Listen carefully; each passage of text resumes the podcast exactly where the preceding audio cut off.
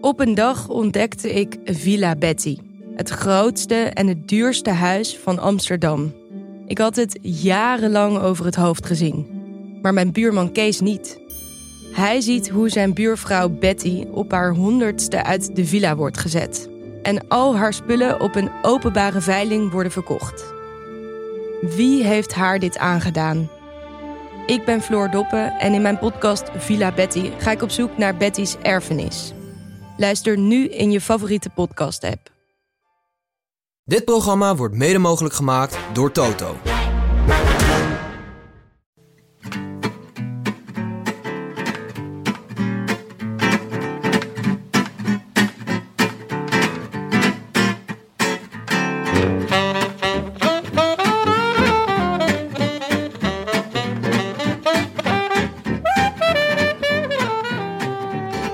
Is donderdag 6 november 2019 en live vanuit fietswinkel Peloton de Paris in het skitterende Mechelen is dit de Rode Lantaarn, de wielerpodcast van Het is Koers.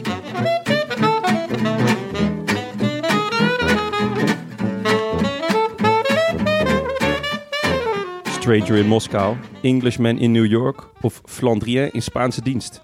Het deed de wenkbrauwen reizen toen de superknecht van Greg vorig jaar bekend maakte dat hij de steel van de Spaanse tridenten werd. Maar wie zegt er nou nee tegen El Imbatido? Bovendien lag na een jaar lang knechten het kopmanschap weer in het vooruitzicht. En dan ook nog eens bij een ploeg waarin het voorjaar nog een hoop vooruitgang te boeken was. Onze gast van vandaag won op 22-jarige leeftijd het Belgisch kampioenschap, behaalde podiumplaatsen in de E3-prijs, Milaan Sanremo en de Ronde van Vlaanderen. Maar waar ik altijd aan moet denken als ik hem voorbij zie komen, is misschien wel de mooiste wielerwedstrijd aller tijden. De enige koers die ik elke winter nog in zijn geheel terugkijk als het gemis van Michel en José ondraaglijk begint te worden. De koers waar Geraint Thomas zomaar de greppel inwaaide en waar Luca Snifsnaf Paulini op 39-jarige leeftijd op miraculeuze wijze wist te winnen. Gent-Wevergem 2015. In die koers fietste er één man 60 kilometer op kop door weer en vooral door wind en pakte daarmee in mijn ogen de titel Flandrien van het decennium. Hartelijk welkom, Jurgen Roelands. Dank u wel. Mooie intro. Dankjewel, dankjewel. Niet Lekker, in, het, niet in het Belgisch gedaan dit keer. Willem eh, heeft mij op het hart gedrukt dat ik mijn Antwerpse accent dit jaar, eh, of deze keer thuis moest laten. Ja, terecht. Heel kinderachtig. Misschien goed om even te zeggen, we zitten dus in de fietswinkel. Eh, Jonne hier naast me, ik, Tim en Jurgen. En eh, het is een mooie fietswinkel, Jonne? Ja, werelds. Er hangt een Bianchi aan de muur. Als ik een staart had, zou ik kwispelen. Ja, je Dat, houdt wel van Bianchi's, hè? Ja, ik vind Bianchi heb ik wel een zwak voor. Dat vind ik zulke mooie fietsen. Ja, het is, is, eh, een beetje kleur, een beetje, een beetje jeu, veel joie de vivre. Ja, ik vind het toch geen Canyon, hè? Ja, tuurlijk. Het is geen canyon. Nee, laat dat voorop staan. Het is geen canyon. Jurgen, hoe gaat het eh, vandaag met je? Eh, vandaag vrij goed. Beter als gisteren. Hoezo? Ja, gisteren toch een kleine aanval van buikgriep gehad. Ik denk eh, opgescharreld van, eh, van mijn zoontje van vier jaar op school. Maar eh, vandaag gaat het al een pak beter. Oh, wij herkennen dat zeer goed. De babygriep. Oh man, Ja. het is weer niet normaal. Het seizoen is weer begonnen hoor.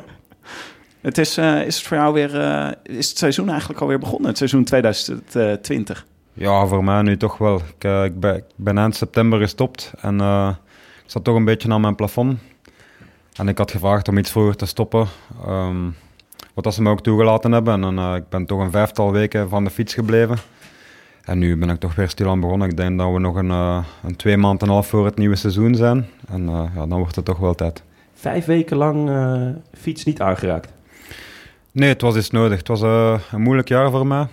En ehm, ik denk dat zowel mentaal als fysiek iets nodig was om gewoon aan niks te denken en de fiets opzij te laten. Oké, en wa- wat, wat doe je dan in die vijf weken? Thuis blijven. Ja. Eigenlijk, ja, je bent onder het jaar zoveel weg. Eh, zoveel in het buitenland, zoveel op de vlieger. En eh, ik ben gewoon thuis gebleven. Heerlijk. Ja, doet iets deugd. Heb je dan, eh, is er dan een hobby waar je eindelijk aan toe komt? Eindelijk schilderen of tuin, tuinieren?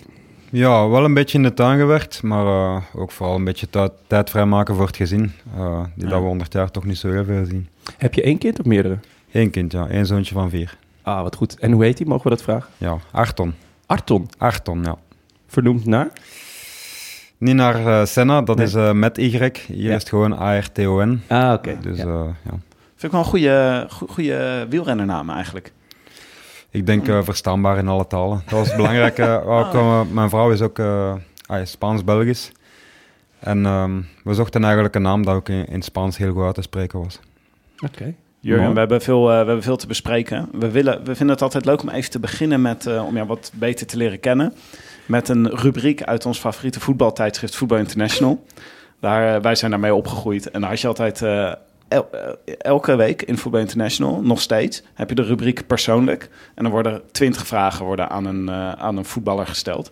En Heel we kort. zullen ze niet allemaal, het zijn hele korte vragen.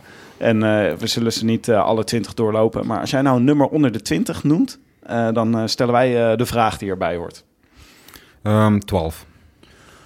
Oeh, leuk. Eten. Leuk. Ja. Ja? Het is niet echt een mooie, mooie volle vraag, maar eten, vraagteken. Ja. wat, eh, wat eet je graag? Wat eet ik niet graag? dat zou de vraag kunnen zijn. Nee, ik denk, eh, wat eet ik graag? Oh. Ik eh, laat ons zeggen dat ik een beetje van, al, van al- Ik ben heel geïnteresseerd in voeding eigenlijk. Eh, ik heb ook eh, een LO-opleiding gedaan op de Universiteit van Brussel. Lichamelijke opvoeding, toch? Lichamelijke opvoeding, ja, waar dat we toch eh, ook een opleiding hebben gehad voor eh, voeding en beweging. En eh, ja, ik probeer wel veel dingen uit. Ik heb ook wel wat kookboeken. Ik heb gelukkig ook een vrouw die heel goed kan koken. Ook heel gezond. En Ja. ja, we proberen wel wekelijk iets nieuws. Dus je bent er echt veel mee bezig. Ja, toch wel. Ik heb ook juist onlangs, ah, deze week eigenlijk, ehm, de lijst gelezen van dokter Servaas Banger, ploegdokter bij Lotte Soudal, die een boek heeft uitgebracht. En eh, ja, dat is een soort van eliminatielijst om, eh, ja, om gezond te, te eten. Oh, dus dingen die je niet mag eten staan er, staan er in dat boek. Ja, in de, eerst dingen die je niet mag eten en dan weer langzaam aan toevoegen. Maar dat is wel, ja, voeding is wel iets, ja, uiteraard, ik denk bij de meeste wielrenners, maar het is een, een groot deel van, eh, van onze carrière. En eh, wat is dan je, je ultieme guilty pleasure? Je, hebt de Tour gereden of, of eh, nou, in jouw geval de, de, de, de voorjaarsklassiekers. En die, die zijn geweest. En denk je, oké, vanavond, vanavond ga ik ervoor. wat, wat, is het dan een patatje of een pizza? Of, of is het echt... eh, Goh ja, ik, eh, kan wel, eh, gelijk nu, nu dat ik weer ben begonnen met, met mijn trainingen, kan ik me heel lang dingen ontzeggen. En als ik dan achter Parijs erbij kom, het eerste dat ik dan toch wel eens doe, maar dat is een echt mentaal, is als een keer bij Frituur Lu- Lucien passeren. Bij Friet Lucien? Fri- Frituur Lucien, ja. Frituur Lucien. Waar zit hij? Eh, dat is hier in Schiplaken, kort bij. En eh, ja, dat smaakt wel eens. Oh, Jonne, daar moeten wij ook heen. Ik wou net zeggen, ik, eh, dat is lekker. We hebben gelijk een tip om, om te eten vanavond. Zullen we nog eentje van de Ja. persoonlijke Ja. Heb je nog een getal onder de 20? Ehm, zeven.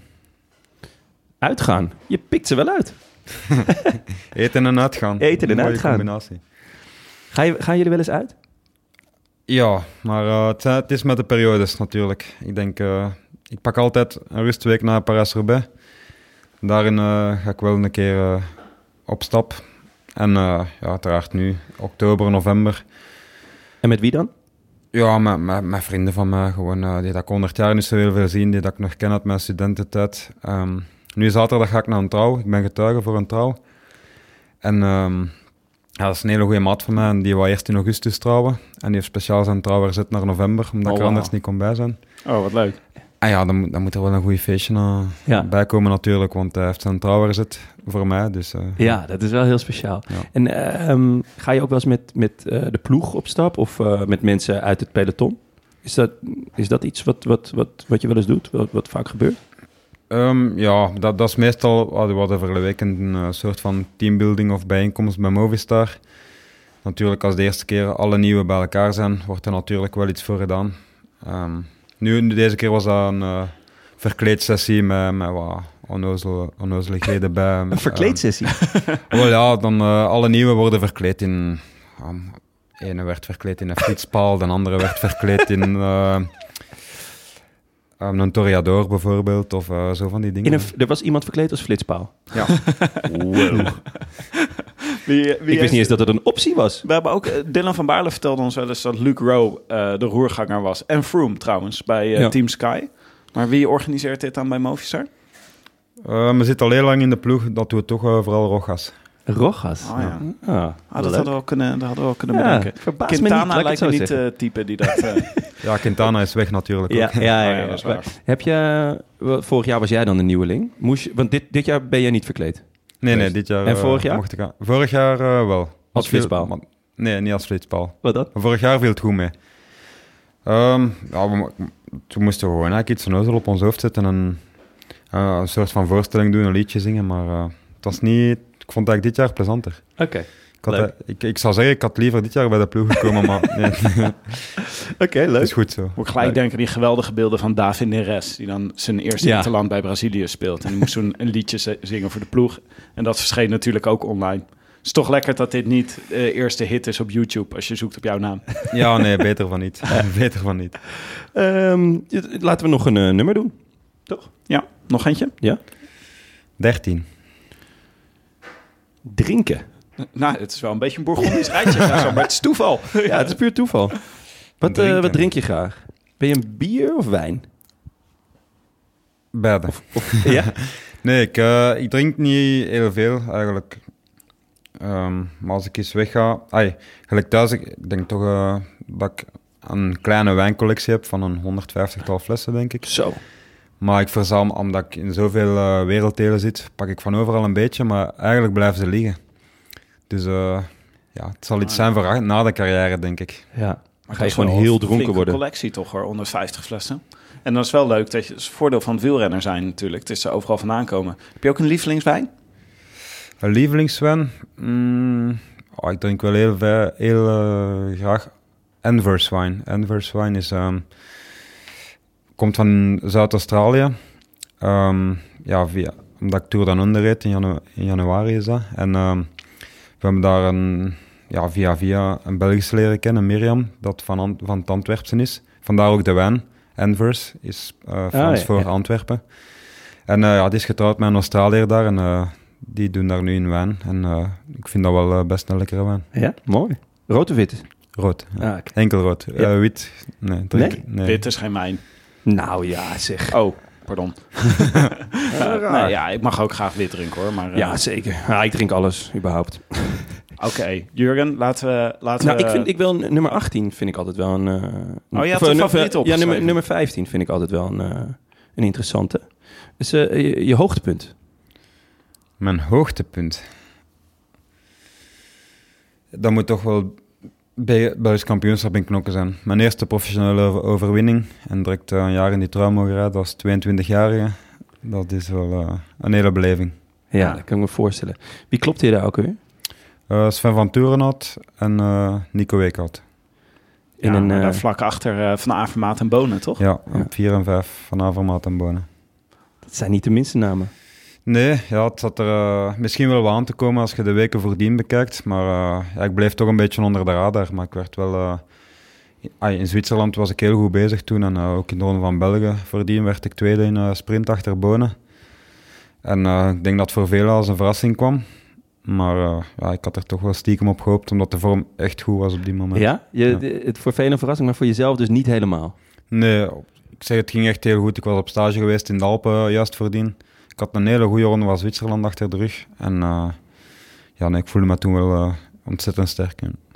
Mooi. Er was een, eh, een vraag van een luisteraar, Jules Lowy, die vroeg... De nationale titel als 22-jarige, beschouw je dat tegenwoordig als een vloek of een zegen voor jezelf en je carrière? Om zo vroeg te schitteren. Ja, maar dat is toch een zegen. Ik heb dan nog eh, twee overwinningen behaald in de Belgische trui. En ik heb hem nadien niet meer kunnen pakken. Ehm, ik heb hem op een Arna gemist in 2015. Eh dan was ik tweede. Nog eens vierde geweest. Maar eh, ik denk... Ja, je mocht, je mocht zo'n ding eens niet laten liggen. Ehm, ja, als je ziet Van Avermaat is ook geen Belgisch kampioen nog niet geworden. En, en blijft toch een, eh, een, een groot doel voor hem. Elk jaar opnieuw. Is het in België eigenlijk ook iedereen tegen Quickstep, zoals het bij ons iedereen tegen Jumbo is? Valt wel mee. Ik denk, het zijn, er zijn een paar grote groepen altijd op een BK. Ik vind wel een BK altijd een, een zeer rare wedstrijd. Omdat, ja, het is altijd de hele ploeg van Topsport Vlaanderen. Met Lotto Soudal zijn ze ook altijd met 20 man. Ehm, er zijn ook een paar enkelingen bij, dus het is altijd een, een hele rare wedstrijd. Ja. ja, ik vind het ook altijd leuk om te kijken. Ja, het is altijd, altijd spektakel. En inderdaad, je, jij was dan, eh, ja, zeker dit jaar, een van de, een van de enkelingen. Ja, maar het was, net- het was een keer van een andere kant bekeken. Ja. Ja, echt eh, als enkeling. Maar eh, Want je hebt jaren natuurlijk voor Belgische ploeg gereden. Dus dan ben je, ben je een van de, ja, een van de twintig, om het zo te zeggen. Ja. Of een van de grote pak. En nu, hoe, hoe merk je dat dan in, in de koers? Wordt er juist meer of minder op je gelet? Eh, ik denk minder eigenlijk. Dat is wel Ehm, lekker, toch? Ja, ik denk als je zo met een grote groep van 20 staat, is het, is het altijd moeilijker koersen, vind ik. Ehm, nu als enkeling, ik had geen radio, ik kon een beetje mijn ding doen. Ik, eh, ai, er wo- wordt je niks verteld en eh, het is een beetje meer op mijn koersgevoel afgaan en, en dat vond ik wel leuk dit jaar. Ik had gewoon niet, niet echt de benen, maar ik denk dat het mij wel beter ligt om eh, op mijn koersgevoel af te gaan. En, ehm, want je hebt, je hebt geen radio, dus er, er, er zit in ieder geval geen ploegleider mee. Maar eh, zit er dan wel een materiaalman mee? Eh, krijg, krijg je dat dan mee van de ploeg? Wel, nee, hier er was niemand van Movistar, maar ja, mijn schoonbroer rijdt bij Katusha, dat is Jens de Buscheren. En eh, mijn fiets stond op tak bij Katusha. Oh, echt? Dus eh, ja, ik had een paar, eh, toch een, een beetje links gezocht om, Ja. Een pact. toch een, ja, met, om toch zeker mijn reservefiets mee te hebben. Maar uiteindelijk, ja, ik heb niet de radio. Dus in koers zit ik volledig alleen. Dat is wel grappig eigenlijk, want Oliver Nase die is ook altijd zo'n soort eenling. Omdat hij bij AG Deuter ook een beetje is aangetrokken voor de voorjaarsklassiekers.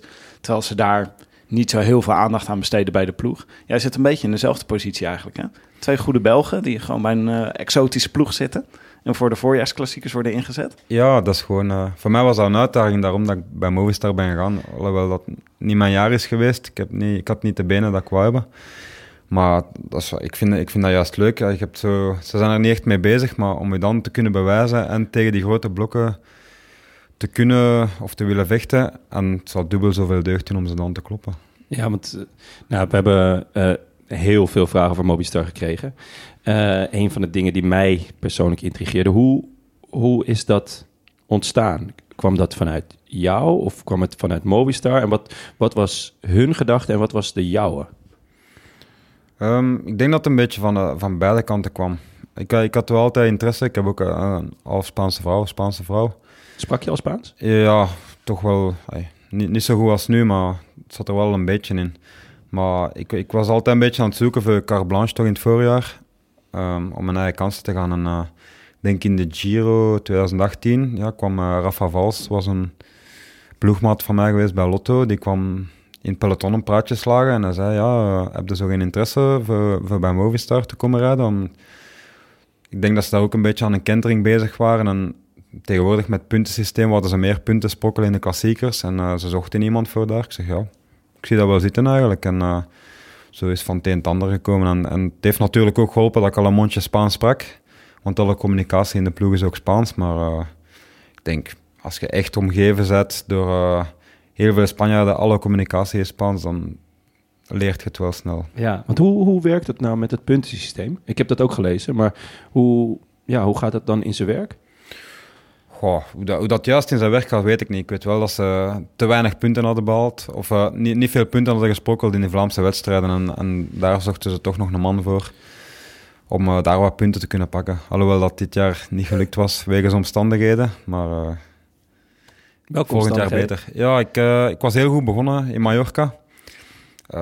Ik denk dat ik daar ja, van dit jaar sowieso mijn beste vorm heb gehad. Maar daarna in de, de Ruta del Sol of de Vuelta a Andalusia kreeg ik altijd wat hoofdpijn en altijd mijn neus zat volledig geblokkeerd. En eh, daar heb ik eigenlijk een heel voorjaar mee gesukkeld tot Parijs-Roubaix. En dan ben ik eigenlijk naar een dokter geweest, een specialist in België, en die zei ik, ja, opereren. En ik zei, ja, tegen de ploeg, eh, ik weet niet hoe. Ehm, en ze, ze wilden mij dan zien ook in, eh, in de thuisbasis zelf in Pamplona in Spanje. Wat ze me ook eens controleren daar bij een specialist. En die zei ik juist zelf, het enige dat gaat helpen is opereren. Dus ik denk, drie weken na Parijs-Roubaix ben ik dan geopereerd aan mijn neus. Toch wel twee maanden uit competitie geweest.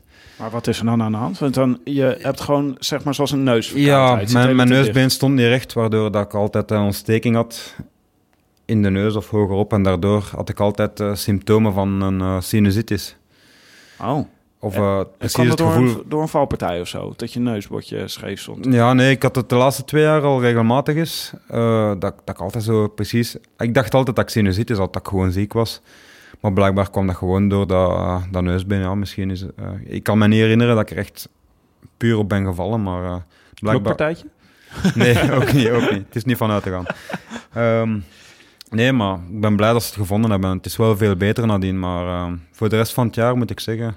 Ik heb niet meer mijn niveau gehaald van, van in januari. En eh, voor mij is het een jaar om rap te vergeten eigenlijk. Maar daarmee dat ik ook iets vroeger mijn seizoen ben gestopt en dat ik ook vroeger wil er beginnen nu. Maar eh, nee, Ja, want je, je bent in september gestopt. ja, eind september. In overleg met de ploeg. In overleg met de ploeg, ja. Ik, ik, eh, ik raakte gewoon niet genoeg op mijn niveau. Ik was nog wel redelijk oké, maar niet op mijn niveau. Dus daarmee dat ik ook vijf weken van die fiets ben gegaan. En ik ga nu waarschijnlijk er beginnen in Australië. En eh, is- misschien is het goed om even, even één stapje terug te doen. Eh, je zegt van het was wel een moeilijk jaar, afgelopen jaar. Kan je, je iets meer vertellen over wat voor jaar het voor jou was? En je eerste jaar bij Movistar? Ja, je wilt het... eh, ja, bij Movistar voor die klassiekers en je wilt het natuurlijk heel goed doen. En ik denk dat dat zwaarst was, omdat ik in, in Mallorca echt heel goed reed. Met, met de klimmers mee, ik zeggen. In, in een hele lastige wedstrijd. eh, met Valverde, met Guillaume Martin, met Tim Welles, met Boegman. Echt allemaal... Ja. Als je de top 10 ziet van die, van die koersen, waren alleen maar klimmers. Dus Jij werd achtste daar, hè? dat werd de achtste. Dus eh, dat was wel een hele opsteker. En ja, de, de koersen nadien ging het alleen maar bergaf, bergaf. Dat, terwijl het eigenlijk zou moeten in stijgende lijn gaan. En eh, dat was heel frustrerend eigenlijk, omdat ik een hele winter toch me goed had geswanjeerd en goed had getraind. En eh, ja, in één keer werkt het niet meer. En dan, eh, ja, dan, dan beginnen natuurlijk twijfels te komen. En dat is altijd zwaar voor een, een sporter. En eh, hoe had je goed getraind? Want ik eh, hoor dat Mobistar bijvoorbeeld niet eh, gezamenlijk op trainingskamp gaat. Dus dan, moest je dan alles zelf regelen? Of eh, ge- ge- heb je veel in Spanje gezeten? Of heb je juist in, in België gekoerst? Hier in de Nee, ik was eh, heel veel naar buitenland getrokken om te trainen. Ze doen inderdaad geen ploegstages, maar ik denk, ja, na 12 jaar prof, ik weet hoe dat ik me goed moet voorbereiden op een seizoen. En ik, heb, ik heb veel in Algarve gezeten, in Portugal. Ik denk goh, van misschien twee maanden in die, die winter. Dus eh, ik kwam echt goed voorbereid aan, aan het seizoen. En ja, als het dan niet werkt, dat, dat is... ja. En hoe gaat op dat, eh, dan in, in die wintermaanden ehm, de, het contact met de ploeg? Heb je er wel een, een, een, een vaste trainer? Ja. Of, eh, Dat wel. Wordt wel heel goed opgevolgd. Eh, bij mij is dat Mikkel Zaballa. En eh, we hebben wel regelmatig contact. Alles wordt gewoon op het platform opgeload. En eh, die kan me dagelijks volgen. Oké, en, en, en maakt hij dan je, je trainingsprogramma of doe je dat zelf? Eh, dat is een beetje een onderling overleg. Ehm gelijk dat ik zei, ik heb ook wel een achtergrond in eh, training met, met mijn opleiding. En ik weet wel heel goed hoe dat alles in elkaar zit. En eh, ja, ik denk eh, twee keer per maand spreken we dan eens af en zeg ik ja, ik ga het zo en zo doen en wat denk je daarvan? En tot nu toe vond hij het altijd goed. Ik denk ook dat ik het bij het rechte eind had als ik mijn niveau zag in januari. Maar spijtig ging het achteraf een beetje meer bergaf door, door, die, door die sinusitis. Hoe doe je dat dan als je, als je in je eentje op, als je zelf een trainingskamp belegt en je bent net nieuw bij een ploeg? Het is wel moeilijk om een beetje de ploegdynamiek en zo te leren kennen. Hoe werkt dat? Ja, inderdaad. eh, we, we zijn eh, één keer bijeen geweest. Zo die ploegbijeenkomst in oktober was er, juist achter de ronde van Guangxi in Dat, China. was, dat was met de verkleedpartij. Ja, dat was, dat, was, dat was dit jaar zo, maar vorig jaar dus Ja. niet. Nee, oké. Maar ehm, nee, en dan de volgende keer dat ik die zie is inderdaad ah, de, de ploegvoorstelling, maar dat is ook maar één dag in Madrid eind december.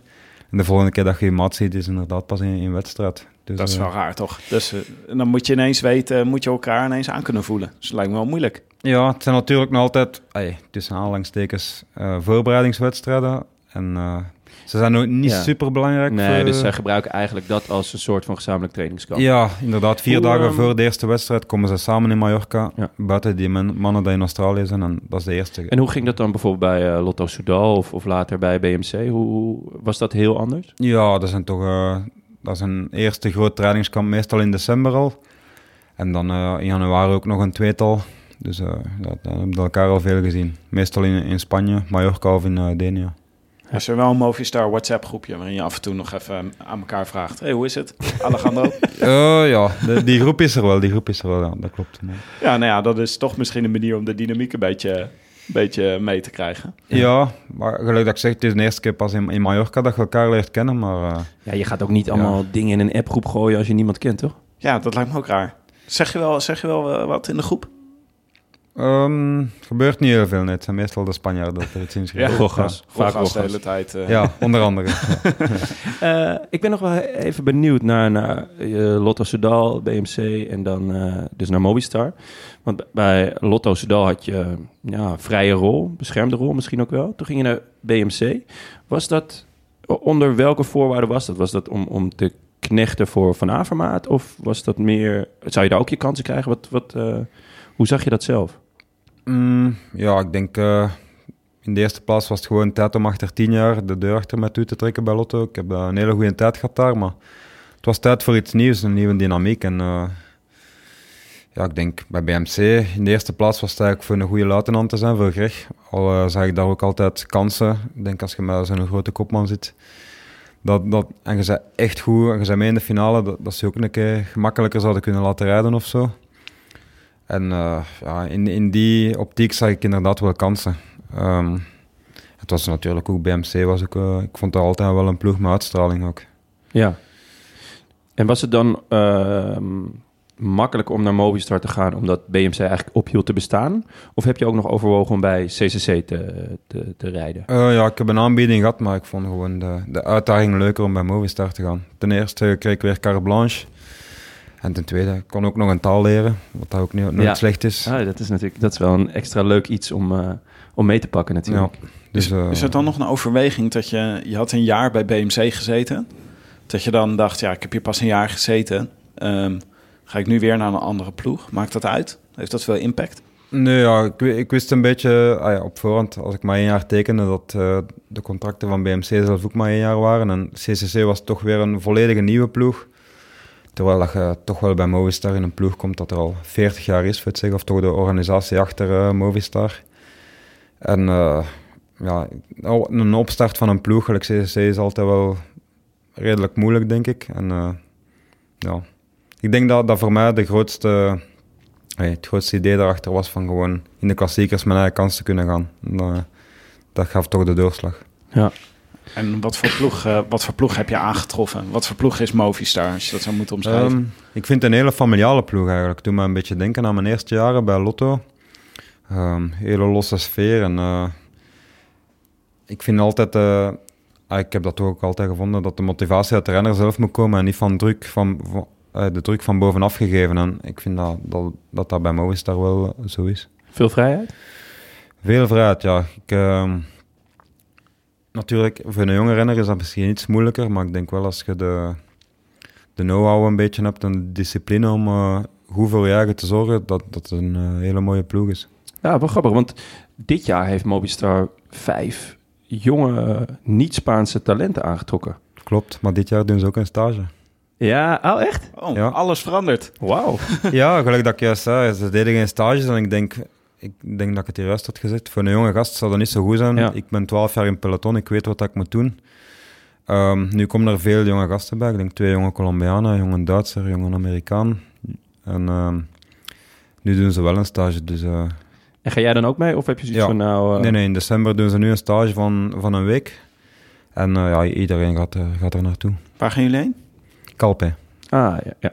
Mooi. Waar is het? Wacht, Kalpen? Ik denk dat eh heel het wielerpeloton daar zit in Ja. december. is dat, eh, maar dat is in, waar is dat? In Italië? Nee, Spanje. Spanje? Tegen Benidorm. Ja, we hebben het al vaak over gehad, maar ik weet gewoon even niet waar het ligt. Nou, topografie is... Dit is ook geen topografie-podcast, hè. Gaat over de koers gewoon. Ja, als, eh, Er zijn geen wedstrijden in kopen, ja, dan houdt het ook op. er was ook nog even sprake van dat eh Ties Benoot naar eh Movistar zou komen, toch? Ik had, daar las ook gerucht over. Ik had er Ja. ook iets over gehoord, ja, maar ehm, denk dat hij wel genoeg opties had. Ik denk dat hij, dat hij wel kon kiezen tussen een paar ploegen. Maar er is nog geen, jij bent niet de eerste zwaluw van een eh, Belgische lente bij eh, Movistar. Ehm, Mooi gezegd. mm, ja, maar nee, ik, eh, ik was er voor dit jaar eigenlijk met Jascha Sutterlin en, en mezelf als twee enige niet-Spaans sprekende. En ze, ze hebben nu toch een Ja. paar andere, een jonge Amerikaan er nog bij gepakt dan en nog een jonge Duitser. Dus ze zijn wel aan het verflandriaan. Ja, of, of ja, hoe noemen ja, ze dat? Ja, zeker. En, eh, maar ze hebben niet eh, de, van Movistar, de, de, de, de ploegleiding heeft niet gezegd van... joh, ga eens naast de Ties fietsen en eh, vraag uh, como estás. Nee, nee, dat is niet, je dat is niet volgend gezegd jaar- nee? Ik, ik weet het ook alleen van, van, in de krant. Maar. Leuk. Maar, maar wat voor verandering is dat dan bij Movistar? Want dat is best wel een grote ommezwaai. Naar mijn gevoel gaan, gaat gewoon, ja, we kennen Movistar een beetje van de tridenten die tegen elkaar aan het rijden is in, Mhm. de, in de grote Ja. Maar nu Quintana ineens weg is, Landa ineens weg is, er komen vijf Carapaz. niet-Spaanstalige Carapaz weg. Het is echt wel een eh, grote verandering bezig. Wat is dat dan? Wat is de aard van die verandering? Ja, ik denk dat ze, of dat Eusebio de ploeg wilt verjongen met, met jonge talenten. En, ehm, ja. Krijg jij meer steun dit voorjaar, denk je? Het zijn wel allemaal jonge gasten. Ah, ook een jonge Engelsman, Gabriel Kulik. En eh, ja, het zijn wel allemaal gasten die goed gemotiveerd zijn. Die ook uitzien naar het voorjaar eigenlijk. Hun Ja. eerste voorjaar. Het zijn niet alleen maar klimmers. Er zitten best nee, wel nee, wat nee. Er hardrijders bij, zitten toch? best wel wat hardrijders bij. En ook echt voor het Vlaamse werk. En ik denk eh, ja, dat, dat, dat ik ze toch sowieso al een beetje wegwijs ga moeten maken. Want gaat zeker... eh, Maar dan kunnen we die klassieker voor jou gewoon opschrijven, toch? Ja, wa- was het maar zo makkelijk natuurlijk, maar eh, nee, ik, ik zie er wel naar uit om... want het zijn allemaal gasten van 20 jaar, 21 jaar. Dus Met wie ga je dan naar de klassiekers? Dus Erviti gaat er denk ik ook mee. ik denk eh Erviti sowieso. Dan is er nu een jonge Engelsman bij, Gabriel Kulik. ehm Juri Olman, een jonge Duitser. Ehm, Matthias Jorgensen, denk ik. En dan nog Matteo... Zijn achternaam ben ik vergeten. Ah ja, nou, ze zijn allemaal nieuw. Ja, die- allemaal nieuw. Hij luistert waarschijnlijk toch niet. Die gast met, die, eh, met die met, met de sombrero op tijdens de, tijdens de Movistar Ja, ik denk voor de rest... Die als, die als flitspaal was verkleed. Het is de- maar Nou- is het dan niet zo dan bij de ploeg? Dat, ik kan me voorstellen dat het eh, dat eh, Valverde zoveel van de aandacht trekt. Dat jullie prog- is dat dan ingewikkeld om het programma? Wordt het programma helemaal om Valverde heen gebouwd? Of eh, is dat? eh, Ja, die gaat sowieso... Maar die, die, die zijn programma staat vast en... eh, ja. Ik denk, eh, ik weet nu niet of dat die dit jaar in, de, in het Vlaamse voorjaar gaat rijden. Maar eh, het wordt niet echt... eh ai, sowieso, ai, Valverde is de patroon van de ploeg. Dat staat, dat staat buiten kijf. En, ja. maar ja, het zijn nog andere wedstrijden ook natuurlijk. Gaat hij, eh, want vorig jaar heeft hij natuurlijk de, de Ronde van Vlaanderen gereden. Dwars door Vlaanderen geloof ik ook. Ja. Eh, dat, dat weet je nog niet, of je dat eh, dit Nee, jaar weer idee, gaat, eh, gaat proberen. het- Want hij was niet slecht, hè? Nee, nee, eh, hij was echt heel goed. Maar En komt hij dan ehm, voor de Ronde van Vlaanderen of zo? Komt hij even eh, een, eh, een kop koffie met je drinken van... joh, wat, eh, hoe, eh, hoe werkt dat allemaal? Want het was de Mm, eerste keer, volgens mij. Is het de Valverde, dat was de die, je eerste denkt dat keer. Valverde informatie kon inwinnen bij iemand? buurt. Dat lijkt mij wel. Ik bedoel, Dat zou je, wel je leuk rijdt zijn. hier met iemand die, die, die al tien jaar eh, de Ronde van Vlaanderen... Ja, eh, maar ik denk, die, die gast die heeft zoveel klassen. Ah, je ziet gewoon dat hij met een fiets kan rijden. Die, die kan... Ik weet niet goed, het is niet echt wringen, maar hij zit altijd vooraan. Dus eh, ja, dat is, gewoon- die is gewoon zo sterk. Ook dat hij... Ja, het was de eerste keer de Ronde van Vlaanderen en ik denk dat, dat ik hem altijd voor mij heb gezien in een hele wedstrijd lang. ja, Dus, ja, hij was, hij was elfde, geloof ik. Achtste, denk ik. Achtste zelfs, ja. Nee, oh, dan was het in dwars ja. Nee, ja, eh, wonderbaarlijk. Dat hij gewoon uit niks... Maar hij komt dan niet speciaal van... Ja, waar moet ik vooraan zitten? Eh, wat, Oh.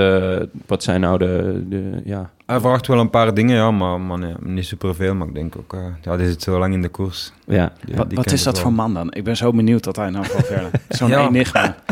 Ah, ik vind dat echt een hele toffe kerel. Ook eh een grappenmaker eigenlijk. Hij gaat altijd een beetje zijn ploegmaat te jennen. En, eh, ja, toch. ja. En hij neemt iedereen wel op sleeptouw. Ik denk s s'avonds ook aan tafel. Ik denk dat... Het is een soort van respect natuurlijk, maar ik denk dat niemand hem recht zit voordat hij van tafel gaat. Gaat hij ook Ja? altijd gaat hij aan het midden van de tafel zitten als jullie eh, s s'avonds... eh, nee, dan niet, dan niet. Maar, Maar er eh, gaat niemand van tafel voordat eh niet echt, nee. Eh, eh, het is toch zo'n vorm van respect. eh, maar we amuseren ons wel. Het is Ja, niet dat we daar met sombere gezichten zitten, Nee. zitten te wachten tot als die, tot als die vertrekt. Maar eh, nee, je ziet wel, we blijven allemaal zo aan tafel totdat ze zeggen, ah, op, en nu zijn we weg. ja, maar de- hij, ja, hij is een soort captain dus eigenlijk. Ja, En dus ook gangmaker, gewoon qua sfeer in de ploeg. En, eh, ja, toch wel. Hij gaat altijd zijn Ja. ploegmaat een beetje testen. Ook op training. Ah, je training. Gelijk die, die drie dagen dat we samen waren eh, voor de Mallorca Challenge, gaat hij wel een keer zijn ploegmaten testen, ook op training. ja? Ja, toch wel. Oh, wat goed zeg. Gewoon tijdens de trainingskoers dan aanzetten op een... eh, ja, een keer aanzetten bergop en eh, laten zien wie dat de beste is. Of, of zien dat ze, dat ze mee kunnen of niet, maar meestal niet. ik wou net zeggen, daar kan er gewoon niet wat meer mee op. ja, nee, nee, nee. nee. Wie is eigenlijk de wegcaptain bij Movistar? Wie stip, met wie stippelen jullie Ja, de koers uit? zei, Valverde, de captain misschien niet... Ik, ik zou eerder zeggen Valverde de leider, de captain is meer uh, Erviti. Ah, ja. toch wel. Veel maar die is al natuurlijk 15 jaar bij de ploeg of zo. Ja. Bemoei jij je ook met, eh, met de planning van tevoren? Van het voorjaar? Ja, nee, eh, op- van, voor een koers. Als jullie eh, met z'n allen met, eh, naar het parcours gaan kijken en eh, Nee. nee. strategie uitstippelen? dat, dat, is- dat is vooral de ploegleiding dat dat doet, maar dit jaar eigenlijk was dat, was dat geen probleem, want ik denk dat ze volk moesten bijzoeken voor het Vlaams voorjaar. Ja, Ja. ja, dat is waar. Ja, wij, maken kan- altijd, wij maken graag grapjes over Movistar. Dat, nou, voor ons, omdat wij zo weinig ook horen uit het team, lijkt het soms alsof het gewoon ieder voor zich is tijdens hele belangrijke etappes. Maar dat is vast niet zo achter de schermen. Nee, dat Maar dat is hoe, niet is dat, hoe, heb jij dat beleefd? Nee, ik denk... eh, ik zei ja, alles komt ook natuurlijk met de benen. Ik denk als ik de benen had van de jaar, dan, dan, gaat, ook, dan gaat ook meer als een ploeg rijden. Ik denk omdat ik ook iets meer van achter zat nu, dat, dat ze inderdaad misschien wat meer verloren rijden. Maar eh, ik denk in de meeste wedstrijden is het toch altijd op één man dat ze mikken en eh, de, dat de rest van de ploeg daar in dienst vooruit. Ja, en, maar in, in de voorjaarskoersen neem je dan niet vooraf... eh, als je dan inderdaad, want ze hebben het een beetje bij elkaar geraapt dan... omdat het nog niet echt een klassieke ploeg was. Neem je dan wel het, het, het voortouw door te zeggen van... jongens, daar moeten we goed zitten, daar moeten we kort zitten... ehm, of laat je dat echt over aan de, aan de ploegleiding? Nee, ik probeer zelf eh, ook wel wat aanwijzingen te geven. Ik denk, eh, ja, die ploegleiding, ja, dat is een, die kende ook een beetje van vroeger, van hier te, te koersen. Maar ik denk, eh, omdat ik hier ben opgegroeid, dat ik wel iets meer de, de key points weet dan, dan die mannen. En die komen dat ook vragen en die zijn er ook wel eerlijk over. En dan, dan, dan probeer ik daar wel ey, de raad in te geven dat, hoe dat ik het zie. Wat, wat is jouw favoriete koers? Welke, welke ligt jou het best? Oh, ik vind eigenlijk eh Milan Sanremo een hele mooie wedstrijd. Omdat het, is, het is een hele lange en eh, met een explosieve finale altijd. En eh, dat is wel iets dat mij goed ligt. Eén keer derde, Eén keer derde. ja. keer vijfde? Ja. En andere keren nog, Ja. nog kort gereden? Een keer negende, denk ik. Een keer elfde, een keer vijftiende, zoiets. Ja, dus altijd wel, je komt altijd goed de potje over. Normaal gezien wel, ja. Ja. ja. En die keer dat je derde was, hoe, hoe, hoe ging dat? Ehm, ja, dat was, dat was eigenlijk een hele goede dag. Ehm, Welk jaar, welk jaar was dit? het jaar dat de Maar won. Ja. Ah, ja. Ja, Zeg je met een glimlach. Ja, Ja, dat is is, een, daar eh, staan- staan natuurlijk wel wat vraagtekens Ik was bij, eh, heel blij natuurlijk als ik derde werd eerst, tot als ik achteraf hoorde dat hij aan de auto had gangen op de Cipressa. Ja, En eh, achteraf bekeken, ja, als eh, de Maar er niet is, win ik wel Sanremo, want dan zou Swift ook niet over mij gekomen zijn. Dus eh, misschien Ja. is dat wel een van mijn grootste ontgoochelingen. Ja is, dat de, is dat de koers waar je nog het meest aan, aan denkt van... Goh, die had ik gewoon kunnen winnen? Ja, toch wel. eh, Sanremo, het is dan een van de vijf monumenten. Ehm, ik denk de laatste Belg dat won was Fons de Wolf. Ja, dat is lang geleden. En ehm, ja, natuurlijk, dan doet dat pijn. Ik was eerst echt blij met mijn derde plaats. Achteraf eh, ja, komt toch een beetje de teleurstelling. Ja. Of heel veel. Want Swift kwam toen in het zog van... ehm, Van de Maar. Van de Maar nog, eh, nog ik voorbij. Mijn half uurtje nog of zo. Maar eh, als de Oh. Maar daar niet is, dan komt Swift er sowieso ook niet over. nee. Maar voor jou is, dan het, is voor jou het best om met een groepje naar de finish te rijden en met de sprint af te maken? Of wil jij eigenlijk het verschil eh, op zo'n klimmetje als de Poggio maken? Mm, nee, ja, in Sanremo is het voor mij eh, onmogelijk om weg te rijden. Dat ken ik mijn eigen goed, maar ik kan me wel eh, zetten in een sprint. Ik moet een beetje eh, zien ja, dat de echte topsprinters er niet meer bij zijn. En eigenlijk dat jaar was het eigenlijk zo goed als vandaag. Buiten dat de Maar er dan nog bij was als een grote topsprinter. Maar is dat nu ook veranderd? Want je vertelde net ook dat je eh, vorig jaar bergop heel erg goed mee reed. Mhm. Ben je ook eh, qua soort renner, ben je veranderd in de loop van je carrière? Eh, ja, de explosiviteit vind ik wel wat minder als vroeger, ja, dat is Ja. waar. Maar ik denk dat dat ergens wel logisch is. En ja, ik probeer het wat te hebben van een, van een zware wedstrijd. En eh, inderdaad, met wat klimvermogen op het einde, dat ik dan nog met een kleine groep kan sprinten. Ja. Ja, en, er- en is natuurlijk één koers. Ja, ik had het al daarover in mijn, in mijn inleiding. Ja, die koers die staat eh, in mijn geheugen gegrift. Daar probeerde je het met een heel lange solo. rond de Een kilometer. lang. Ja, rond de kilometer of 80, denk ik. Misschien moet je wel even bijzeggen dat je nu Gent-Wevelgem 2015 weer ja, bedoelt. Gent-Wevelgem 2015. De... Waarom ben jij daar zo, eh, waarom ben je daar zo fan van, Jonne? Ja, ik, ik denk eerlijk gezegd omdat ik hem in eerste instantie niet kon zien. Ik, ik, eh, eh, ik, ik, ik was aan het werk of zo, ik, ik was iets aan het doen. En er- kwamen alleen maar appjes binnen van wat gebeurt hier allemaal jongens, wat is dit voor koers? En het werd alsmaar gek en op een gegeven moment heb ik, heb ik alles laten liggen en heb ik, ben ik naar de tv gerend. en Alles laten vallen. alles laten vallen, alle verloven werden ingetrokken. En toen heb ik die koers aangezet. En eigenlijk niet lang daarna eh waaide Thomas zonder enige aanwijsbare eh, aanleiding de greppel in. En eh, het was natuurlijk wel aanwijsbaar, het was de wind, maar die zie je niet. Dus, en er gebeurde zoveel gekkigheid. En ondertussen reed jij daar in je eentje he- helemaal eh, het schompers. Hm. En nou ja, hoe lang heb je op kop gereden? 50, 60 Ja, kilometer? ik denk kilometer of 60. Ja, Ja, dus van kilometer 80 tot kilometer 20, zo uit mijn ja hoofd. ik denk dat ik gepakt ben op 12 van de meter of zo. Op 12 zelfs pas. Oh, Ja, het was al achter Ieper, ergens tussen Ja. Ieper en Menen. Dus eh, ja, want je, je reed weg op... eh, ja, 75 of ja, zo. ja, ja, ja. En Oh, allemaal waaiers achter je aan, toch? Ook? Het was echt een Ja, waaierdag. dat was... eh, achteraf bekeken was misschien iets te vroeg. Op die moment zelf vond ik het een goed moment, omdat al, ah, die koers lag zo uiteengeslagen. Het was ieder voor zich. En eh, ja, ik dacht, ja, een ploeg gaat hier niet meer rijden achter me. Maar, had, je, had je door achter jou wat voor slagveld het was? Ja, natuurlijk. Ja, we waren al de moeren doorgereden, waar dat Steegmans ook de beek in werd, werd gecatapulteerd. eh, ook richting de... ehm wat is de Mondecat? Werden we, werden we ook al van de baan gewaaid eigenlijk. dus eh, ja, ik denk... eh, het was, eigenlijk heb ik nog het meest afgezien de wedstrijd in het begin van de wedstrijd. Want ik had enorm kou in het begin van de wedstrijd. De eerste 30, 40 kilometer reed ik rond met, met drie regenvesten. Uiteindelijk ben ik er nog heel goed door. Het werd wel wat droger, maar ja, wel meer wind natuurlijk. Ja. Maar eh, En hoe kom je er dan door? Wat, wat, want iedereen zegt, nou ja, dan kom ik er door. Hoe, hoe gaat zoiets dan in zijn werk? ja, Denk je op een gegeven moment van, nou, ik trap eigenlijk best wel makkelijk? Of? Nee, nee, nee. Ik, was, ik, ik voelde me wel goed. Ik had alleen maar kou. Het, is dat wat ik wil zeggen. En, eh, het werd dan wat droger natuurlijk. En wat meer wind, wat meer waaiers. En daar raakte natuurlijk terug wat opgewarmd. En, eh, maar dat draagt alleen maar bij tot, tot de vermoeidheid op het einde van de wedstrijd natuurlijk. Ja, want je moet jezelf natuurlijk ook warm houden. Ja. En, en eh, je, je reed al die tijd op kop. Hoe lang, tot wanneer dacht je, ik ga hem gewoon winnen? Ik flik het gewoon. Ja, maar eigenlijk, be- het verhaal begint eigenlijk al een beetje op 150 van de meet. En eh, ik zat daar samen, mijn schoonbroer Jens Busser zat samen met mij in de ploeg. Dat is jouw schoonbroer. Ja, dat is dan de was man toen van Belgisch je... kampioen, Ja. De man van mijn zus. Ja, oké, wat leuk. Die was ook Ja. mee in de kopgroep uiteindelijk, ja, die werd vijfde denk ik of zo. En die zei toen al, maar had u nu een keer in, want ik voelde me veel te goed en ik was altijd krachten aan het verspillen. En eh, die zei altijd tegen mij, had u hier en doe dat niet, doe dat niet. En eh, ja, achteraf bezien had ik beter naar hem geluisterd, want eh, ik denk als ik 20, 30 kilometer langer wacht, dat ik hem wel win. En ik denk, ik geloofde erin tot, ja, tot juist voor Ieper eigenlijk. En ik, kwam Ieper binnen en zei, allee, begint het nu wat donker te worden? Of, of, of, ik, begon, ik zet mijn bril al af, maar ik begon gewoon eh, ja, een suikerklop, denk ik een beetje. Ja? Ik, eh, ik had nogthans pro- veel proberen te eten. Maar ik denk, ja, het wa- ik denk dat we toen al zes uur aan, aan het rijden waren. Ehm, ja, gelijk dat ik zeg, die kou in het begin, dat pakt ook allemaal wat af.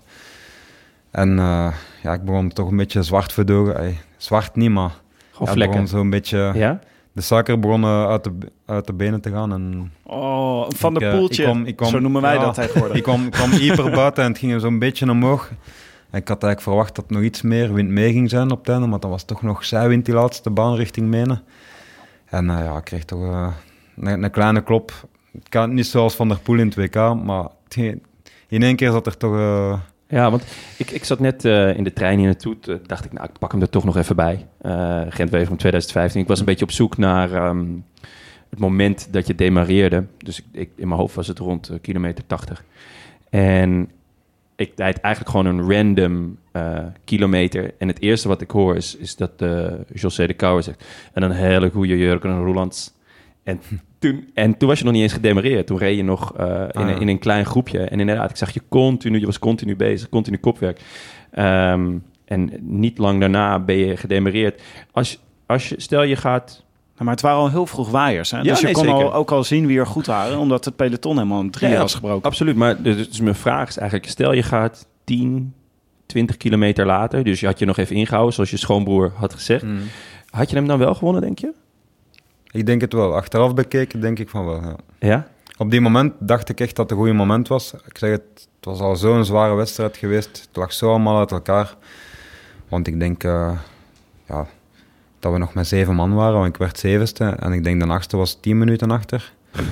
ja, Het zoiets. zal niet veel gescheeld hebben. Nee. Eh, dus eh, ja, het was gewoon man tegen man. Maar ja, uiteindelijk draaide het toch rond achter mij. Ik denk vooral met Terpstra. Dat Terpstra, was ja, dat was een van de motoren. En die had dan een ploegmaat bij, natuurlijk, Ja. van den Berg nog. En het is dan wel beginnen draaien achter mij. En ik denk dat dat een beetje Ja. de doodsteek is. Dat zij nog met z'n tweeën zaten, dat is jouw Ja. ongeluk geweest. En uiteindelijk wint, even voor de volledigheid, Luca Paulini. Die had waarschijnlijk ergens eh, langs de lijn nog, of, eh, nog een lijntje genomen. Ja, waarschijnlijk. Die werd niet, later, eh, niet veel later gepakt op eh, cocaïne. Nee, maar het, het was, eh, was het ook niet een beetje een finish uiteindelijk van Paulini, omdat eh, Terpstra en met wie zat hij nou nog meer? Terpstra zat met Van Marken was nog mee. Ja. Van Marken. Die zaten naar elkaar te kijken. Volgens mij was het ook een beetje een gestolen overwinning van... Eh, Thomas. Ja, Thomas, Thomas zat er ook er nog bij. Ja, gestolen niet, maar het was wel zo dat Paulini het heel slim deed. Die was volgens mij al een keer gelost. Die kwam terug, dus niemand hield er echt rekening mee. En toen dacht hij, nou ja, ik probeer het gewoon nog een keer. Hij had het namelijk ook al een keer geprobeerd. Toen probeerde hij het nog een keer en toen eh, gingen ze naar elkaar kijken. Ja, volgens mij inderdaad Terpstra en Van Marken. Misschien Thomas nog. Heb jij ook nog kramp gekregen tijdens de finale?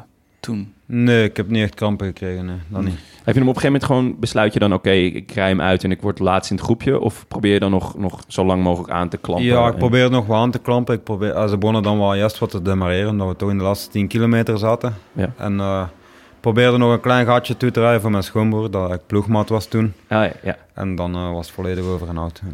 Er, er staat ook een heel mooi verslag op eh, eh, de site van jouw fanclub. Ze uitgebreide... hey, kon een hondje lopen. Er komt gewoon een hond binnen. Nou, wat leuk zeg. Hallo. in de fietswinkel. Ja, leuk. Eh, maar wij zaten dat eh, een zeer uitgebreid verslag van jouw carrière te lezen. Je hebt veel top 10 finishes gehad. Zo. Ongelooflijk. Staat bij elk jaar staat, stond zo sch- chronologisch stond opgeschreven. En er stonden zo, nou, eh 2003 43 top 10 finishes. 2004 eh 50 top, eh, Ja, top 10 2003 en finishes. 2004 wel vrij vroeg, maar inderdaad. Ja, daar, maar dat is bij de junioren ja, al. En vanaf- eh, het was echt al... eh, ja. Het, het is, eh, je bent, als, je een, als je een klassement zou maken op basis van top 10 finishes... Dan, eh, maar je Ja, bent dus wel iemand die doorrijdt. Als je, als je, niet, eh, als je niet meer om eh, de eerste plek meedoet, ga je desalniettemin door. Ja, toch wel. Eh, zeker bij de jeugd nog. Ik denk dat dat naarmate dat ouder wordt een beetje mindert, omdat ja, uiteindelijk telt alleen de overwinningen en Ja. dat leert ook wel een beetje, maar eh, ja, uiteraard, ik denk sowieso als jeugdtrainer of beloftrainer moet er altijd voor gaan. Ja. Ik denk een keer dat het een professionele sport wordt, heb ik nu wel geleerd. Gelijk, Ik heb veel met Kruipel nu ook de, de sprint aangetrokken en zo. Ehm, ja, ik wil maar zeggen, als je de echt goede sprint aantrekt en je bent leeg en je wordt veertigste en hij wint, het is beter als eh, tweede en derde, voor het zeggen. Ja. Dat Kruipel tweede wordt en ik derde, dan, dan heb je... ai, heb dat zo'n beetje geleerd, dan heb je je werk voor het zeggen niet goed gedaan. Misschien Dus, is het eh, ook wel omdat je al zo vaak in de top 10 bent gefinished... dat je nu een beetje denkt, ja, Nee, Nog top niet, 10 dat is finish erbij. Ik, Is die, is, die, is die grote overwinning, dus in een klassieker, nou is Belgisch kampioenschap natuurlijk ook echt een grote overwinning. Is dat een gemis voor jezelf? Of heb je zoiets van, nou ja, Kruipel heeft zo vaak gewonnen onder mijn leiding. eh, Ja, maar dat was natuurlijk meer in de massasprinten. ja, Ehm, maar voor mij, ja, mijn carrière-doel is altijd geweest om, om een voorjaarsklassieker te winnen. Ik ben er veel keer bij geweest, maar ik heb Ja. de, de hoofdvogel nog altijd niet afgeschoten. tweede in de E3-prijs Ja. en derde in, eh, in Vlaanderen. Ja, en Sanremo dan, derde. Ja. En Het zat dat- er altijd... Ja. Het heeft erin gezeten. Ik denk, Ja. die Gent-Wevelgem is ook een beetje een gemiste kans. Ehm, het heeft er een paar keer in gezeten, maar het is er nog niet uitgekomen. Ik vind het wel interessant dat wij, eh, wij hebben het ook, nou tenminste, een van mijn hang-ups is dat ik vind dat onze generatie Nederlandse wielrenners weinig wapens hebben om het af te maken in de finale. Dat vind ik echt heel frustrerend, dat Nederlanders er heel vaak voorin erbij zitten. Maar ja, dan rij je op een gegeven moment met een groepje van drie in een klassieker of, eh, of in een, eh, in een tour-etappe in ontsnapping.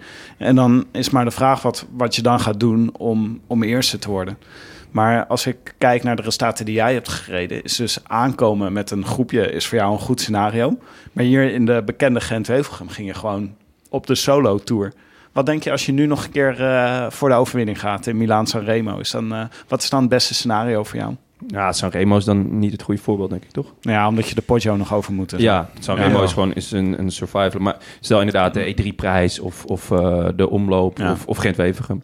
Ja, het is, eh, het is eerst een beetje rondom u kijken natuurlijk. Hè. Wie is er nog van snelle mannen? En ik denk, eh, ik denk dat het soms ook een beetje een kwestie is van durven te verliezen. Ik denk als er iemand bij zit dat, dat sneller is of, of even sneller en voelde ze goed met, dan moet je maar het risico durven pakken van te demareren, weet ik veel wanneer, op, op een goede moment of de goede moment zoeken. En eh, u niet naar de slagbank te laten leiden. Vind je het ook lekker om solo te rijden, lange solo? Ja, ik denk, dat zijn wel de mooiste overwinningen natuurlijk. Ah, voor mij toch, maar... ehm, Kijk je die Gent-Wevergem nog wel eens terug? Hij staat helemaal op... eh, Ik heb hem al lang niet meer gezien. nee. Ik, eh, ik denk in, de, ja, in 2016 zal ik hem misschien... Ik word er veel over aangesproken. Ja. Is het iets waar je hem eh, wel met trots op terugkijkt? Of denk je van, goh, had ik nou, was ik nou maar 10 kilometer later gaan of 15 kilometer later? Had ik maar naar Jens geluisterd. Ja, het is meer dat, denk ik. Had Ja. ik maar naar Jens geluisterd, ja. Nog heel even, eh, nog heel even terug naar Movistar. Hè? Ik wil nog heel even over het komende, komend jaar hebben. Want omdat er is nu heel veel veranderd bij jullie in de ploeg. Hoe eh, gaan jullie nu eh, komend seizoen plannen? Gaat het nu minder om de grote rondes? Want ik zie niet direct met wie jullie nu voor een tour-overwinning gaan of voor een, voor een Giro. Ja, ik denk dat ze een beetje meer hun kaarten op de Marc Soler zetten. Die dat toch al Paris-Nice gewonnen heeft. En ja, ik denk, met een Valverde gaan ze nog altijd, wel altijd een ritje hier of daar meepikken. Voor hun klassement inderdaad iets minder. En eh, ik denk, eh, gelijk dat ik juist zei, ze willen de ploeg een beetje verjongen en met, met nieuwe Spaanse talenten gaan werken. Ook twee hele jonge Com- Colombianen dat erbij komen, Rubio en Alba.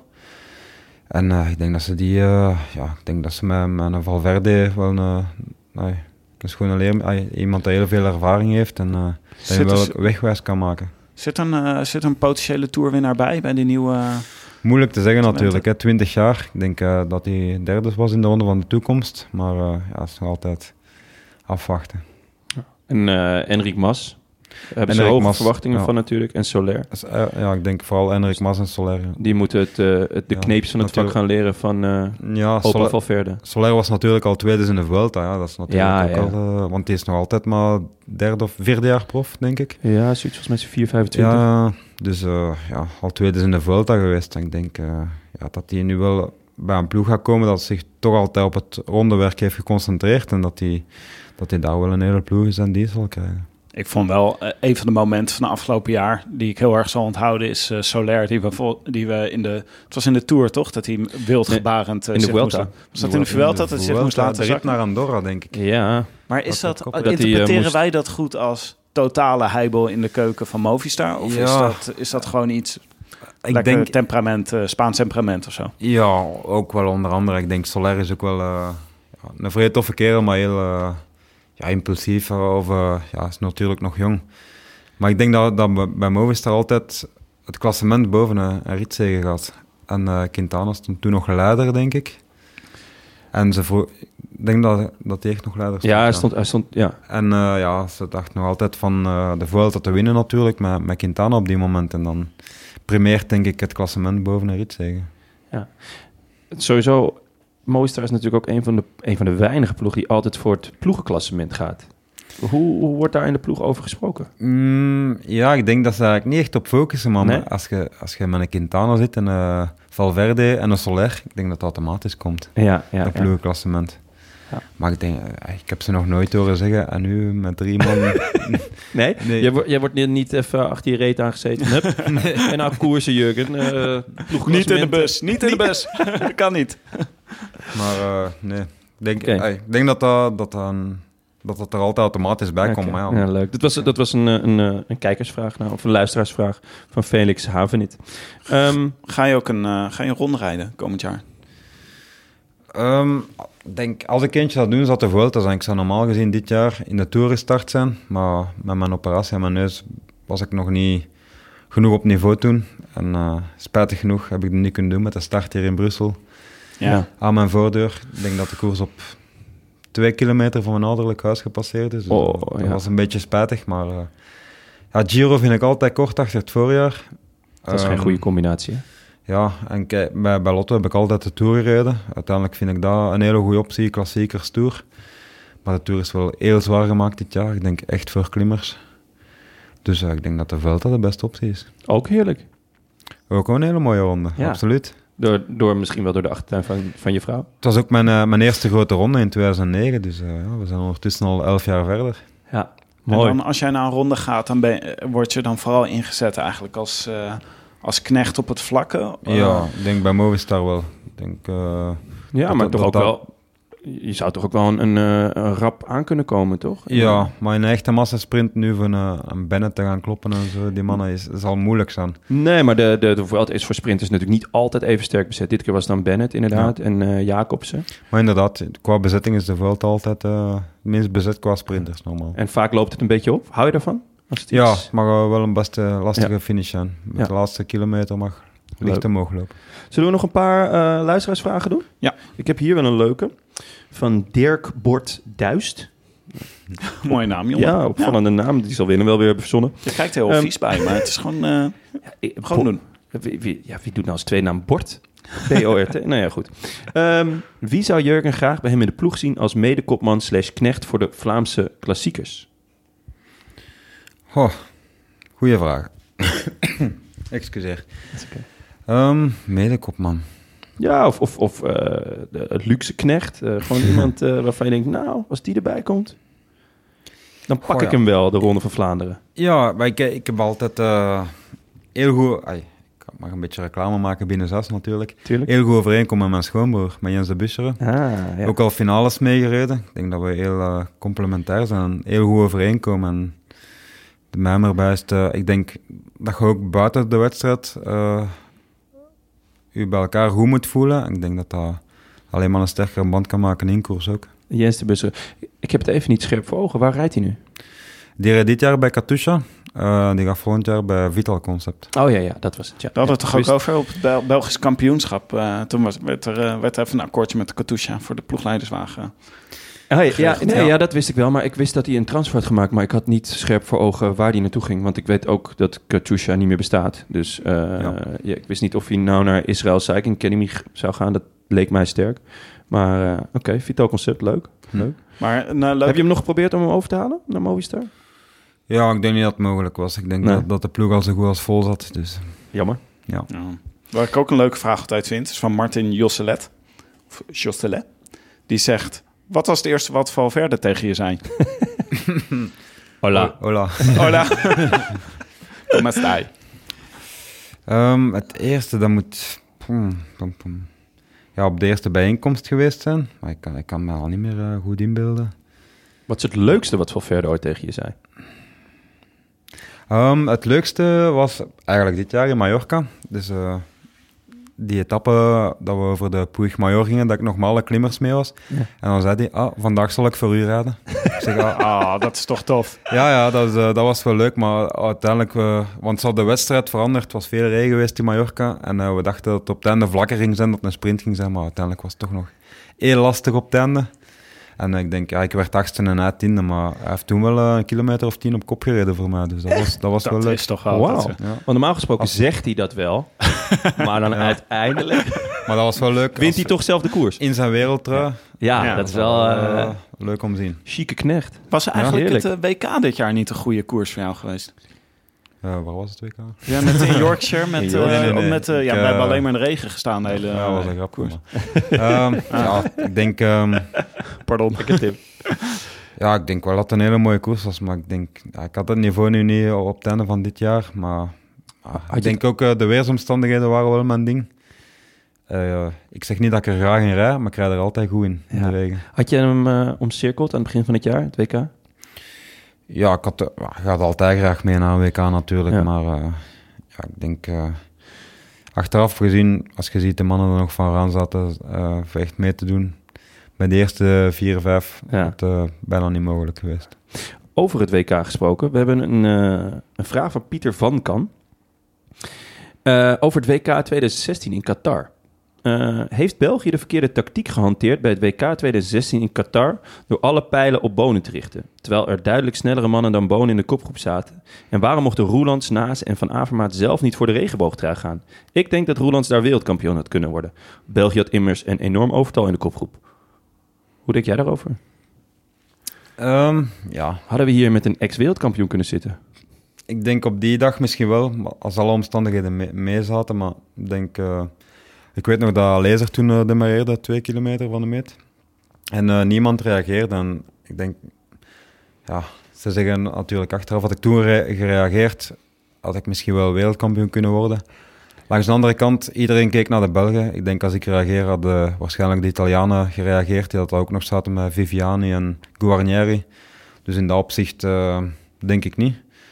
Um, natuurlijk waren er voor die afspraken gemaakt als Bonen mee was. En Bonen was ook wel heel goed in orde op die moment. Gingen we de sprint voor hem doen. Ook in Qatar is altijd een hele rare wedstrijd. Ik moet altijd denken aan de ronde van Qatar, waar Bonen, ik weet niet hoeveel ritzegens ja, dat heeft gehaald. Veel, ja. 20 ritzegens of zo, plus een paar eindklassementen. En uh, daar klopte die ook altijd... Uh, ja, Bonen ja, klopte vroeger ook altijd tegen de sprinters. Dus uh, ik geloofde erin die dag dat, die, dat die iedereen kon kloppen. En voilà. We hebben er alles aan gedaan. Ja. Ik denk uh, dat ik hem goed heb afgezet nog. Maar ja, derde uiteindelijk, toch? Ja, Cavendish kwam er nog over en ja. uh, Sagan en Sagan, ja. Oké, okay, mooi. Jonas Dox vraagt, wat is het grootste misverstand dat er bestaat over Movistar? Het grootste misverstand. Ja, ehm, ja ik denk dat, dat de grootste kritiek altijd is in de, grootste, in de grote rondes hè, dat, dat ze krijgen. Dat uh, dat altijd wel een soep is. Um, ja, ze zitten natuurlijk altijd met, met, met een Quintana, Valverde en een Landa, als, als ze alle drie meedoen. Langs de andere kant is dat bij, bij een Ineos bijvoorbeeld wel hetzelfde, maar het verschil is dat, dat zij hem winnen. Dus uh, ik denk, ja, in dit jaar in de Giro zaten ze ook met twee kopmannen, maar worden ze 1 en 4 en dan wordt er natuurlijk minder, minder commentaar op gegeven. Dus ik denk gewoon, ja, dat... Uh, ik, ik, zie nu ook naar Jumbo volgend jaar, ze gaan ook met, met meerdere kopmannen zijn. Um, als ze volgend jaar derdes en vijfdes worden, gaat er daar natuurlijk ook commentaar op komen waarom dat de een niet voor een ander reed. Terwijl als er een beter is, een Bernal, dan mag de een nog voor de andere rijden, gaat er nog no nooit niet eerst te boven komen. Dat is wel, ik zat ook te denken, Carapaz gaat nu naar Sky, of naar Ineos. Ja. Gaat, hij, gaat hij nou uh, gaat hij knechten daar? Ja, knechten, maar ja, kijk, uh, als Carapaz op kop nog rijdt en er is een trein van Ineos, ik denk uh, als er een, een Bernal is, een Geraint Thomas, een Froome en een Carapaz, ja, probeer het maar eens tegen te gaan staan natuurlijk. Ja. Uh, niet gemakkelijk. Ik denk dus dat er geen, geen, vijf mannen meer in het wiel zit. Dus jij zegt eigenlijk, uh, um, Movistar, uh, we denken dat Movistar uitzonderlijk is, maar wacht maar komend jaar. De Sky-kopmannen tegen elkaar, de Jumbo-kopmannen tegen elkaar. En dan is uh, Movistar eigenlijk ineens een geoliede machine. Ja, wie weet. Uh, wie valt verder toch voor die eerste overwinning. ja. Wie weet, voilà. Maar het is, niet altijd, het is niet altijd zo simpel natuurlijk. Nee. Nog een laatste, een laatste vraag? Ja. van Pieter Helin of hij nog steeds Franchi pannekes uit de bakkerij van zijn ouders eet na de ja, training. Uiteraard. nee, Wat is dat? um, minder als vroeger. Uh, hij, om uh, even duidelijk te stellen, ik ben opgegroeid. mijn ouders zijn, hebben een bakkerij. En ik heb 26 jaar boven een bakkerij gewoond. Oh, ik, uh, dat is mijn droom. Verhuisd ben met mijn vrouw. En echt, en je mocht dat letterlijk nemen. Elke keer als ik van een training toe kwam, mijn fiets stond naast de frigo. Dus ja, het was zo gemakkelijk om altijd de frigo open te doen. De, en, de koelkast, even voor de Nederlanders. Sorry. Ja, voilà. de koelkast dus open te doen en uh, gewoon wat patisserie te pakken. Of uh, wat en wat zijn franchi-pannetjes? Franchi-pannen, ja, dat is, uh, dat is een grote bakplat eigenlijk. Een soort van amandelcake of zo. Iets, iets in die aard, ja. Oh. Wel een specialiteit. oh. Wel een specialiteit bij Ik vind het echt een godswonder dat je niet moddervet bent geworden dan. ja, sindsdien ben ik alleen maar afgevallen. zie Jon hier echt watertanden Ja, we gaan zo meteen even het Fransje halen. Tim? Oh. Uh, ja, het lijkt ja, me toch? ook. Ik weet niet of je die Mechelen kan krijgen. Mechelen? Hmm, ik weet eigenlijk niet wat hier de specialiteit is, Mechelen. Nou, ik hoop Fransje ik, ik wilde nog even, uh, laten, voordat we afsluiten, nog even een laatste onderwerp aansnijden. Oh ja. uh, wij gaan namelijk binnenkort... ik ben altijd zeer gefascineerd door de wereld van Swift. onze collega Willem doet daar, doet daar zeer graag aan mee. Ik heb nog nooit op zo'n ding uh, gezeten. Uh, laat staan uh, dat ik het een koers gezien heb. Maar we gaan dus binnenkort met luisteraars van de Rode Lantaarn... gaan we Alpe du Swift beklimmen. Doe jij, is dat ook iets wat jij vaak gebruikt om het voor te bereiden op een nieuwe seizoen?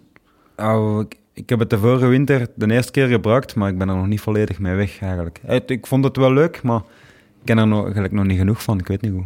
Oh ja, is het, het is natuurlijk wel... Ineens zit je gewoon binnen, terwijl je net vertelde uh, hier, voordat we begonnen met uh, opnemen, vertelde ja, het is een goede plek om te wonen, omdat je alle kanten op kan rijden buiten.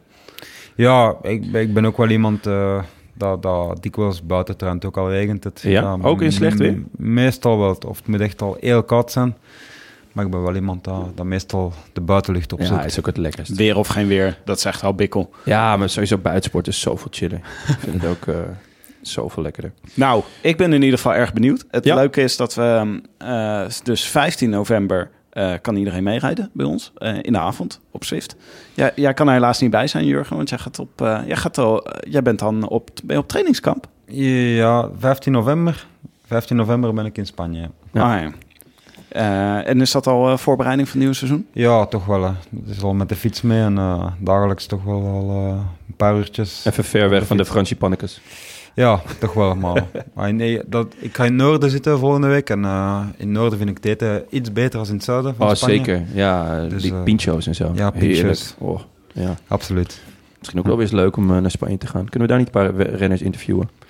Ja, volgens mij moeten we Rogas nu eh benaderen. Ja, Rogas is wel leuk. dat lijkt me Ja, leuk. we zitten er nog in het noorden. Erviti is een beetje van het noorden ook. Ah, goeie. goeie. Hoe is uh, Ervitis in Engels? Uh, Erviti in Engels is wel oké. Ja? Oh, nice. Hm, dat is goed om te weten. Nou, Eh, ja, het. dus eh, Zwift eh, met onze sponsor. De fiets van de show, Canyon. Dat is ook jouw fiets, toch? Ook mijn fiets. Ja. Heel goed. Bevalt het, ja? Ja, ja, heel goed. Ik denk ook... eh, ja, die, je ziet toch dat eh, Mathieu van der Poel op Canyon rijdt. En die gaat er ook goed vooruit. Hè? Die gaat zeer aardig vooruit. Zo, ja. Kun je wel stellen. Hij was ook weer goed eh, afgelopen weekend. Nou, dit was het. De Rode Lantaarn. Gepresenteerd door uw twee favoriete wereldreizigers. Dit keer in, eh, in, eh, in België. Eh In de Riese. heerlijkheid Mechelen heette De dat, heerlijkheid Mechelen hadden we Ja, opgezocht. prachtig. Ja, prachtig. Ja, mooi. Jonas Riese en mijzelf, Tim de Gier. Vandaag met speciale gast Jurgen Roeland. Jurgen, super, beda- eh, super bedankt dat je hier eh, te gast wilde zijn. Hoe vond je het om eh, in een podcast te zitten? Ja, primeur voor mij. Dus eh, nee, ik vond het wel leuk. Snel gepasseerd. Ja, leuk. Ja, Ja. Ja, ik vind ook altijd dat dat het het voorbij is. vliegt. ja. het is, we zitten al ruim op een uur, ja. Oh ja, Eh, oké, ik zal opschieten, Jon. Ik, het, ik hoor het. Deze Rode Lantaarn wordt eh, mede mogelijk gemaakt door Canyon, de fiets van de show en Dag en Nacht Media. Speciale dank natuurlijk aan hetiskoers.nl en met name Leon Geuyen, Bastiaan Gaillard, Maarten Visser en Bas van Eyck, eh brandweerman te Maden. Ehm, dank aan Je het maakt is mensen nu wel lekker. En mensen denken nu dat er een bandweerman-update komt. ja, een brandweerman-update. Ja, die is, misschien eh, komt hij volgend seizoen weer terug. Ja, ik hoor dit, teasertje, eh, ik dit in de wandelgangen, maar je weet het nooit. Je weet het nooit. Wil je reageren op deze uitzending? Dat kan via Twitter zijn te bereiken. Via Willem Du- Dudok, Tim de Gier en Ton Garçon, waarvan de eerste O een 0 is. Eh, Jurgen Roelands twitterde het afgelopen jaar vijf keer maar liefst. maar volg hem desondanks gerust op Jurgen, Jurgen Roelands. Je bent niet echt van de... Twitter is niet echt jouw eh, go-to eh, medium. Mm, Ja, social media moet ik wel een beetje aan werken. Ja. Nee joh, helemaal nergens voor nodig. Heb je echt niks aan. Jonne doet het ook niet. Ik doe er ook niks aan. Heerlijk. De Rode Lantaarn heeft ook een mailadres. Daar kan je, eh, kan je ons eh, op bereiken. Groetjes at de Rode Lantaarnpodcast.nl. Eh, wij horen graag alles, vragen, gewoon mooie wielerverhalen. Laat het ons weten, ook in de winter. En abonneer je op iTunes of laat daar in elk geval een reviewtje achter, zodat andere mensen de podcast ook kunnen vinden. Jonna, hebben we nog een reviewtje? Jazeker, jazeker. Eh vijf sterren, genaamd Achter de, de, Achter de Decoder. Moeilijk. Van Peerke, 1983. Te goede podcast. Alles wat goed is verdwijnt achter de decoder en wordt betaald. Voetbal, Scorito en naar alle waarschijnlijkheid zal deze primeur voorbehouden zijn aan de Rode Lantaarn. Geniet ervan zolang het gratis kan. Ik zou het wel leuk vinden als wij achter de decoder gaan. Ik denk dat dan Dat niemand meer luistert, maar Op je mediabox naar een speciaal kanaal gaan en daar dan Ja. eerst geld over maken voordat je dit kan ja, en luisteren. dat wij daar dan de hele dag zitten te ouwe hoeren. en dat er gewoon niemand, niemand geld over maakt. Dit was het, de Rode Lantaarn special met eh, Jurgen Roeland. Succes met trainen en eh, veel u. succes in Spanje. We, schrijven je op hoor, voor de klassiekers. Jon, heb je het genoteerd? Ja, ik zeg eh Milaan San Remo gewoon. Ja, Milaanse Remo. Het Ik zou ook. mooi zijn, hè? Het zou mooi zijn. Te gek. We gaan je in ieder geval eh, eh, fanatiek volgen. Want je bent vanaf nu eh, vriend van de show. Zo, eh, dat is de eretitel Daar is je niks meer aan te doen. Nee. Dank u wel. Eh, nou, schrijf het allemaal op. Alpe du Swift op 15 november. En hopelijk eh, tot dan. A biento. Doei. A biento. Hoe zeggen jullie dat? Houdoe. Houdoe. Nee, dat, dat is Brabants. Later. Later. Ah, Oké. Later. I wish I could be in the south of France. In the south of France. Sitting right next